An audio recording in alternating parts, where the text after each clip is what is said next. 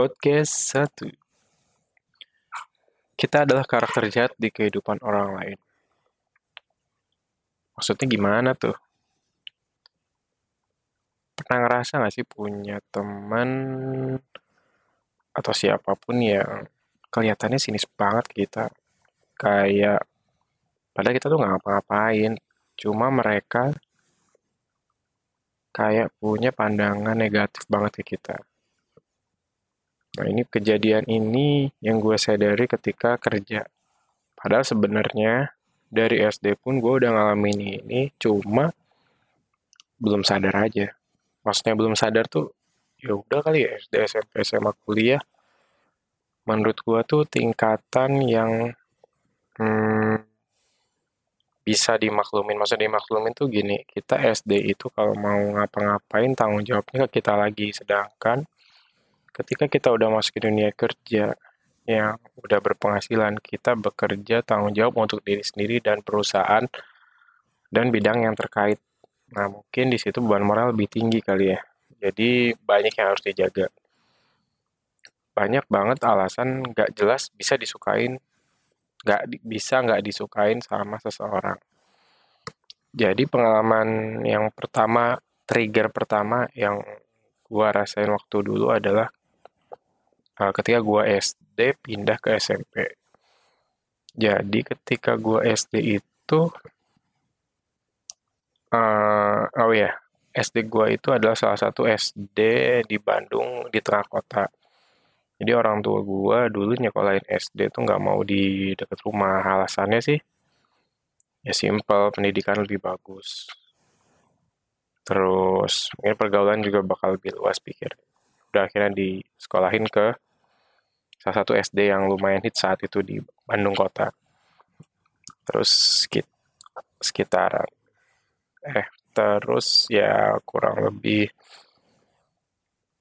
oh ya apa SD ke SMP itu kalau nggak salah dulu tes ya tesnya pakai nem kalau nggak salah nah, itu ada tes jadi SMP itu dibedakan jadi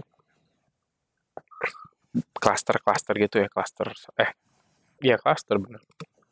Cluster 1, cluster 2, cluster 3. Jadi intinya yang top top 5 besar, top 10 apa? 5 besar terbaik, terus ya 5 sampai 10, 10 sampai 15 dan seterusnya.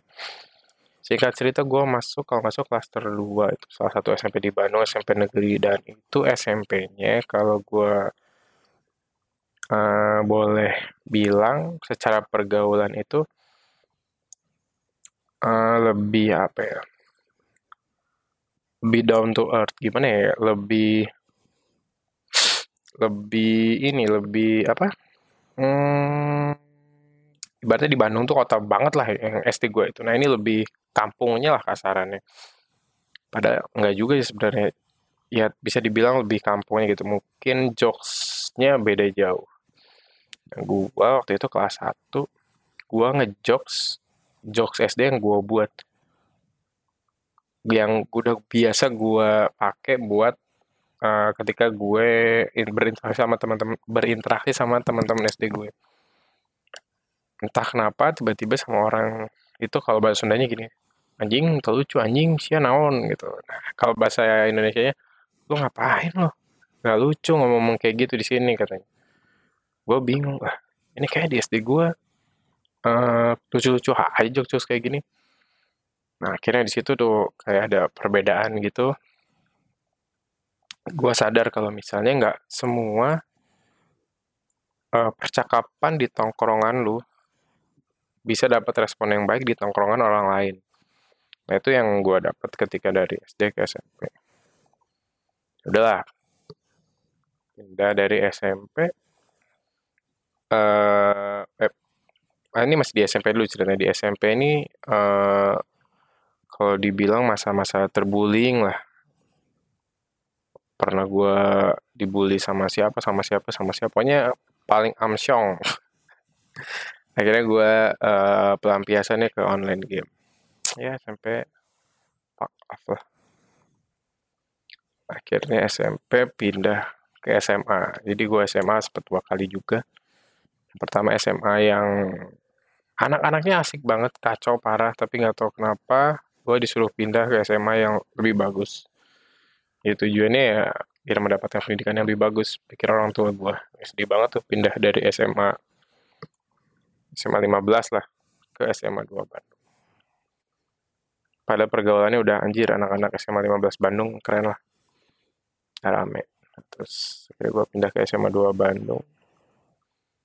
Uh, di situ kalau tingkat kepercayaan diri gue down banget sih dari segi pendidikannya. Anak-anak SMA 2 Bandung anjir pinter-pinter. Di semester pertama aja gue udah minta tolong lesin beberapa ini kayak ada guru pribadi itu dulu namanya guru apa sih guru private privat privat biar nggak biar catch up sama anak-anak yang di sana udah kelas 1 berjalan biasa aja kelas 2 ada sedikit bullying juga. Nah, ini bullyingnya itu untungnya ada teman gue namanya Adam. Ketika dia masuk dia yang dibully gue nggak ya thanks to Adam. Itu sih waktu SMA ya biasa-biasa sih nggak ada yang spesial SMP paling parah bullyingnya SMA biasa-biasa cuma pertemanan kita masih pertemanan anak-anak SMA masih lanjut sampai sekarang. Akhirnya kuliah nih kalau kuliah itu nggak ngerasa dibullying juga sih. Cuma ada banyak kekerasan sih kekerasan. Kekerasan mental fisik dari senior. Sebenarnya dibilang kekerasan enggak juga sih apa ya? Hmm, shock terapi dari senior sama dari mental sama fisik ya di kuliah gue nggak terlalu banyak organisasi gue nggak terlalu ngerti artinya kehidupan asik. Ya udah gue kuliah kayak normal anak biasa organisasi juga biasa aja. Ya nothing special di perkuliahan. Uh, apa ya kalau kuliah itu lebih ngajarin ke kita sistematis pola berpikir ketika menghadapi sesuatu kayak. Nah ini uh, kerja ketika kerja ini baru deh sadar. Kerja ini kalau gue sebenarnya udah pernah kerja sendiri sih. Ya lu bisa bilang entrepreneur. Ya pedagang lah gue pedagang sneaker dulu tapi bukan ini yang mau gue ceritain sekarang yang mau gue ceritain sekarang adalah kerja di salah satu perusahaan instansi yang lumayan besar di Indonesia di pekerjaan di sini tuh poin semua pekerjaan di perusahaan adalah kerjasama antar bidang yang baik itu menghasilkan output yang baik dari perusahaan itu sendiri. Jadi baik-baiknya bekerja adalah bekerja sama antara orang lain, terutama bidang gue. Nah, ketika gue masuk, gue selalu memposisikan diri menjadi junior. Nah, ini yang membuat pikiran gue salah waktu itu. Jadi, kalau kerja itu ketika lu masuk, lu sama sama orang lain, gak ada senior, gak ada junior, karena kita mendapatkan hak dan kewajiban yang sama. Kita ngerjain sesuatu, kita dapat reward berupa gaji. Jadi nggak ada istilah-istilah angkatan. Nah bedanya kalau kuliah ini ada angkatan 2009 2010 ya itu benar-benar senior tuh. Misalnya senior 2007. Ya mereka senior yang harus di, kita hormati. Nah kerja juga sama, ada angkatan juga. Saya sama-sama bisa dihormati. Cuma bedanya ini mereka nggak selalu menangan gitu. Ketika kita mempunyai argumen atau kita mempunyai pandangan yang berbeda, kita bisa langsung lontarin. Gak kayak zaman dulu, kalau kuliah ya udah kita terima ya ya aja. Kalau kalau kita kerja ini kita punya pendapat yang bisa kita apa debatkan pada orang lain ya agar tujuannya tercapai sama-sama tercapai. Sebenarnya semua perusahaan tujuannya satu, cuma pendapatnya banyak dan caranya juga banyak. Nah ini ketika kita gue memposisikan diri dari jadi junior udah berjalan sekitar dua tahun lah. Nah, gue kedapatan uh, gue jadi gue kedapatan junior waktu itu. Junior banyak juga. Nah ini gue menyadari bahwasanya setiap orang itu nggak selalu disenengin sama orang lain ketika di sini. Maksudnya ketika di kehidupan tuh apa ya? Ketika hmm, kerja itu belum tentu ada orang. Ketika kita mengerjakan sesuatu belum tentu semua orang respect dengan kerjaan lo. Ketika kita mengerjakan sesuatu belum tentu orang itu puas sama kerjaan lo. Dan ketika kita nggak melakukan sesuatu belum tentu orang itu nggak suka sama lo. Nah, maksudnya gimana sih? Jadi gini, gua ini tipikal orang yang kalau jalan atau kalau lagi diem apa gimana gitu, atau muka idol gua, maksudnya idol itu nggak ngapain lagi jalan nih. Ya, muka gua tuh kayak nyebelin gitu loh, kayak jutek, kayak gimana. Da, uh, default muka gua kayak gitu. Mungkin kalau lu pernah lihat, ini orang ngapain sih senyum-senyum terus? Padahal dia tuh cuma jalan biasa, tapi dia udah kayak orang senyum gitu. Nah kalau gua bedanya, gua kalau jalan aja orang yang kayaknya kayak cuek, sinis, jutek apa-apa gitu. Dan itu beneran ngaruh di kerjaan ternyata. Dan ini baru gue sadarin pas kerja. Gue waktu SD, SMP, SMA, kuliah tuh nggak pernah nyadarin kayak gini. Jadi gue pernah waktu itu dibilangin sama teman angkatan gue kalau bilang, eh lu dibilangin sama si ini kok kenapa sih jutek amat gini gini gini oh ini bukan ngomong ke istri gue ya tapi ini de dari teman gue yang cowok teman gue ngasih tahu ada junior cowok atau senior cowok yang bilang ke gue kayak gitu. Gue bingung kan ah apaan? Gue ngapa-ngapain dah?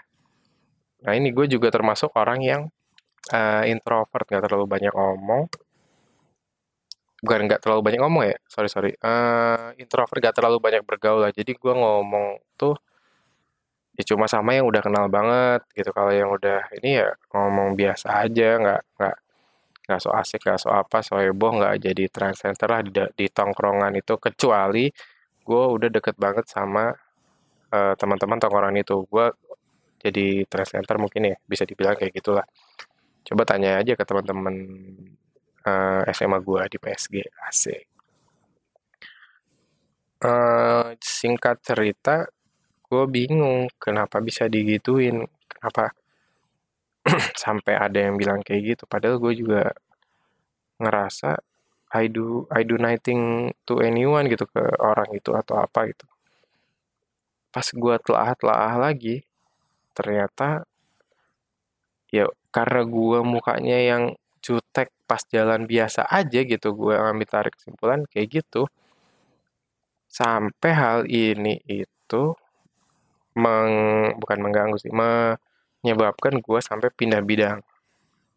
Mungkin ada yang bilang aneh gitu karena ada kemungkinan bos gue nggak suka dengan cara gue yang kayak gitu atau cara ngomong gue cara apa gitu. Nah di sini gue mikir bahwasanya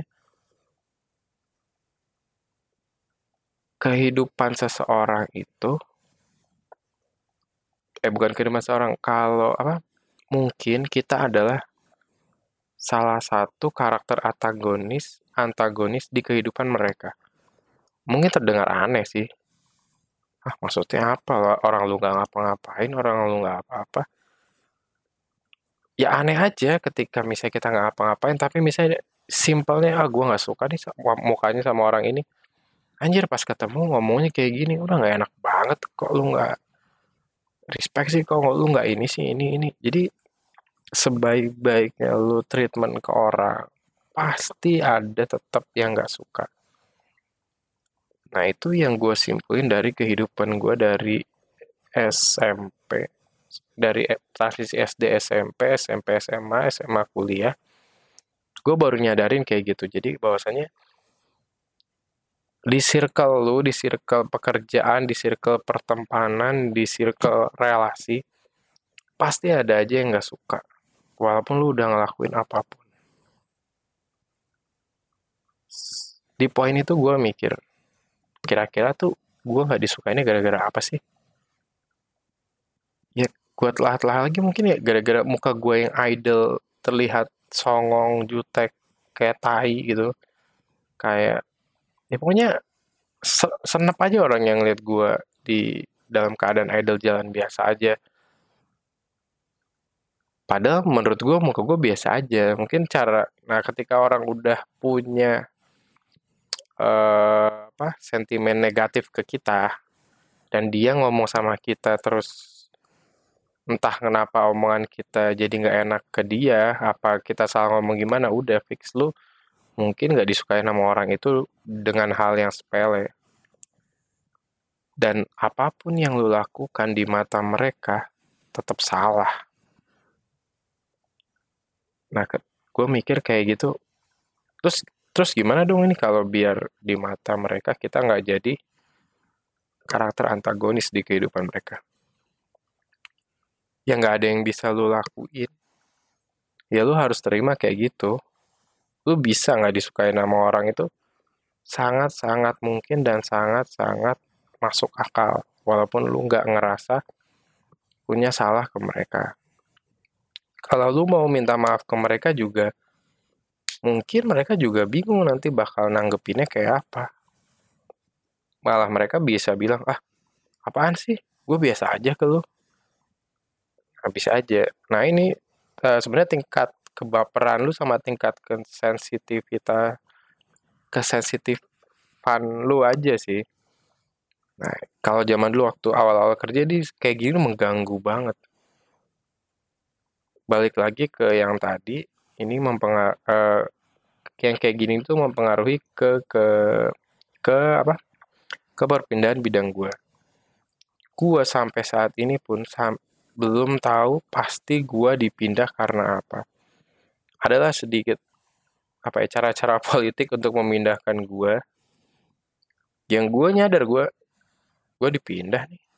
Tapi dari atasan pun nggak pernah ngasih statement apa pun kalau gue dipindah apa gimana apa gimana. Cuma alasannya ya ya di sini udah full. Lu waktu itu kelamaan dinas ya udah lu coba lapor ke SDM gih kata-kata yang gue ingat dan itu sih parah sih. Ya oke. Okay. anyway uh, maksudnya itu apa ya, kita wajar sih nggak disukain sama orang itu jangan terlalu dipikirin. Nah ini mungkin yang ngebuat gue dulu nggak sehat atau awal-awal sampai pusing kali, ya. bukan pusing sih, sampai benar-benar kepikiran, anjing nih kenapa sih orang bisa nggak suka sama gue gini gini gini gini gini. Ya udah akhirnya gue nerima hal itu. Kalau misalnya mereka nggak suka ya nggak apa-apa toh mungkin ya emang kita karakter antagonis di kehidupan mereka. Mau gimana lagi, kita nggak bisa nyenengin semua orang sampai ada yang bilang kalau lu mau nyenengin semua orang ya lu jualan es krim aja. Nah terus gimana nih ngatasin kayak gitu-gitu tuh? Ketika ada orang yang nggak suka sama lo yang pertama jelas introspeksi diri sih. Nah ini di kasus gue gue udah introspeksi diri dan dia tuh mungkin gue approach awalnya terlalu santai kurang menghormatin atau muka gue yang idolnya nggak enak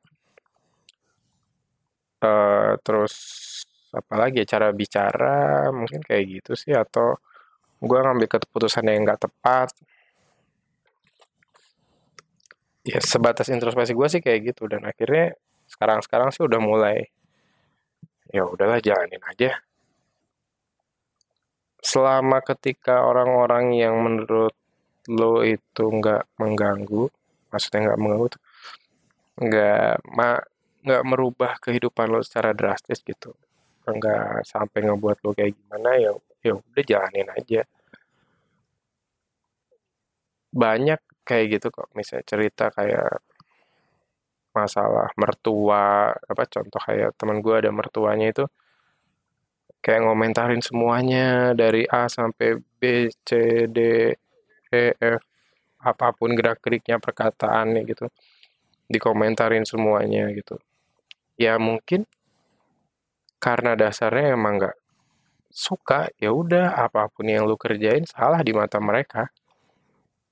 Ketika ya misalnya guru nggak suka sama siapa ya orang itu bakal disalah-salahin terus. Terus kayak waktu gue SMP ada cewek waktu itu baca puisi. Ya bukannya maksud apa cewek itu kalau nggak salah waktu itu kulitnya hitam banget gitu. Ya yeah, you you name it uh, she is black. Dan dia baca puisi itu yang tanya itu teman-teman SMP gue pada bubar. Gitu. SMP 1 Bandung angkatan berapa nih? Gue lupa. Ya wajar ketika lu nggak disukain sama orang itu adalah hal yang sangat wajar sih. Kalau dari gue sarannya sih pertama introspeksi diri. Kalau udah ya ini sih orang-orang bilangnya surrounding surrounding yourself with positive people. Pasti ada di kehidupan lo apa di kerjaan lo. Orang-orang yang bener-bener tahu. Maksudnya tahu lu kayak gimana aslinya kayak gimana. Mereka bakal ngomong belak-belakan ke lu ya kalau sendirian nggak punya temen ya banyak-banyak mencari kesempurnaan agama aja kali ya. Ada sih beberapa orang di Twitter dia eh di Twitter di Instagram teman gue tuh dia kayak nggak punya temen gitu terus akhirnya cuma buat story story story.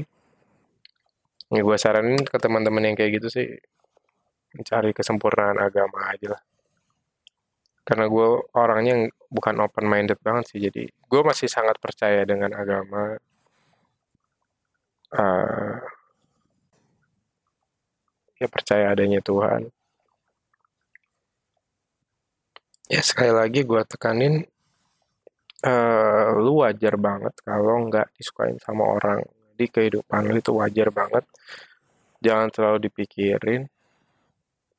Tapi tetap introspeksi lu introspeksi diri lu kayak apa ya tetap semangat ngejalanin hidup ya mau gimana lagi kehidupan jalan terus men see you on the other podcast Thanks.